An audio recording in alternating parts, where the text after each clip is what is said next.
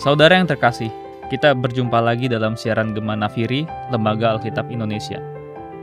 Kita akan merenungkan bersama firman Tuhan yang diambil dari Perjanjian Baru, Kisah Para Rasul pasal 4 ayat 32 sampai ayat 37.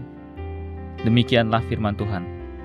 Adapun kumpulan orang yang telah percaya itu, mereka sehati dan sejiwa, dan tidak seorang pun yang berkata bahwa sesuatu dari kepunyaannya adalah miliknya sendiri tetapi segala sesuatu adalah kepunyaan mereka bersama.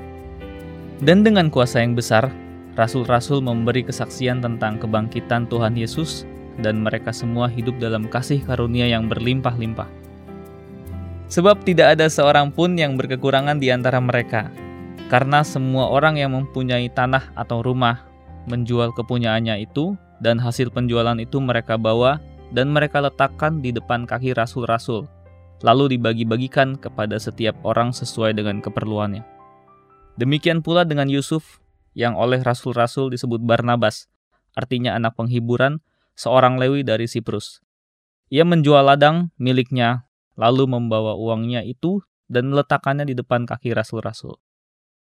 Saudara yang dikasihi Tuhan Yesus, tidak ada hal yang lebih membahagiakan dari sebuah persekutuan selain dari kesatuan hati dan jiwa. Sekumpulan penjahat yang bersatu hati dapat melakukan suatu kejahatan besar yang mampu memporak-porandakan dunia. Begitu juga sekumpulan orang benar yang sehati mampu mengubahkan dunia. Manusia yang sehati bukan hanya karena satu bahasa dan satu bangsanya, atau bukanlah yang mampu mendirikan menara yang puncaknya sampai ke langit untuk menyamai Sang Pencipta. Demikianlah 12 rasul yang memiliki kesatuan hati mampu menggarami dunia dengan kesaksian mereka akan Kristus. Menghimpun orang-orang untuk membentuk suatu kelompok atau persekutuan tidak terlalu sulit, namun mempertahankan kelompok tersebut untuk dapat bergerak bersama dan mencapai tujuan, bahkan bertahan menghadapi goncangan adalah bagian yang tersulit.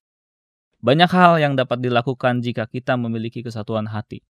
Bagi orang Yahudi, hati dipandang sebagai pusat kegiatan pikiran, dan jiwa merupakan pusat kehendak manusia.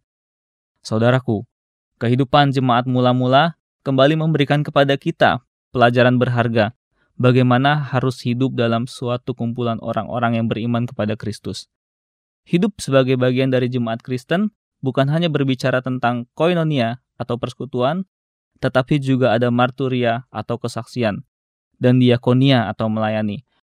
Karena hati dan jiwa mereka berada pada satu dasar dan tujuan yang sama, yaitu dasar kepercayaan kepada Kristus dan tujuan yang sama untuk mempermuliakan Dia, sehingga jemaat mula-mula mampu untuk mengerjakan banyak sekali pelayanan.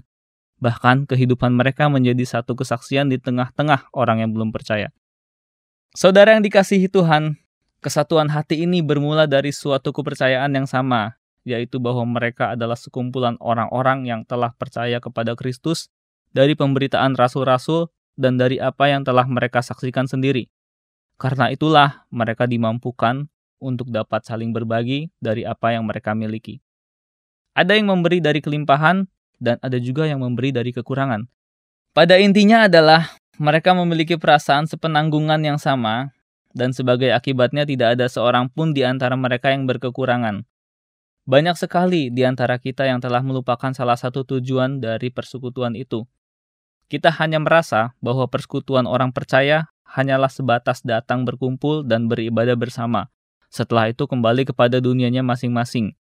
Kita lupa bahwa Tuhan menghendaki persekutuan di antara umatnya agar kita dapat saling menunjukkan kasih Kristus, salah satunya dengan cara berbagi dan meringankan beban satu dengan yang lainnya. Sebab jika persekutuan hanya untuk beribadah, bernyanyi, mendengarkan khotbah, dan berdoa saja, maka tidak perlu ada persekutuan bersama. Karena setiap orang dapat melakukan semuanya itu di ruang pribadinya masing-masing. Dan niscaya Tuhan pun akan berkenan dengan ibadah kita. Akan tetapi, sama seperti hukum Taurat yang terbagi atas dua bagian, yang mengatur hubungan antara manusia dengan Tuhan, yang ditunjukkan pada hukum pertama hingga hukum keempat, serta hubungan manusia dengan sesamanya, pada hukum kelima hingga hukum ke sepuluh, maka sudah tentu bahwa dalam persekutuan juga harus terjalin hubungan antara jemaat Tuhan. Alkitab memberikan satu contoh bagaimana kesatuan hati yang kemudian ditunjukkan dalam hal saling berbagi yaitu pada diri seorang keturunan Lewi dari Siprus yang bernama Yusuf atau biasa disebut Barnabas yang artinya penghibur. Yusuf ini menjual tanah miliknya, lalu hasilnya ia bawa dan serahkan kepada rasul-rasul untuk dikelola, agar dibagikan kepada orang-orang yang membutuhkannya. Di kemudian hari, Barnabas menjadi salah satu pemimpin dalam jemaat mula-mula. Dalam perikop yang kita baca, kita dapat melihat bagaimana suatu persekutuan yang baik haruslah memiliki pemimpin yang berotoritas dan dapat dipercaya.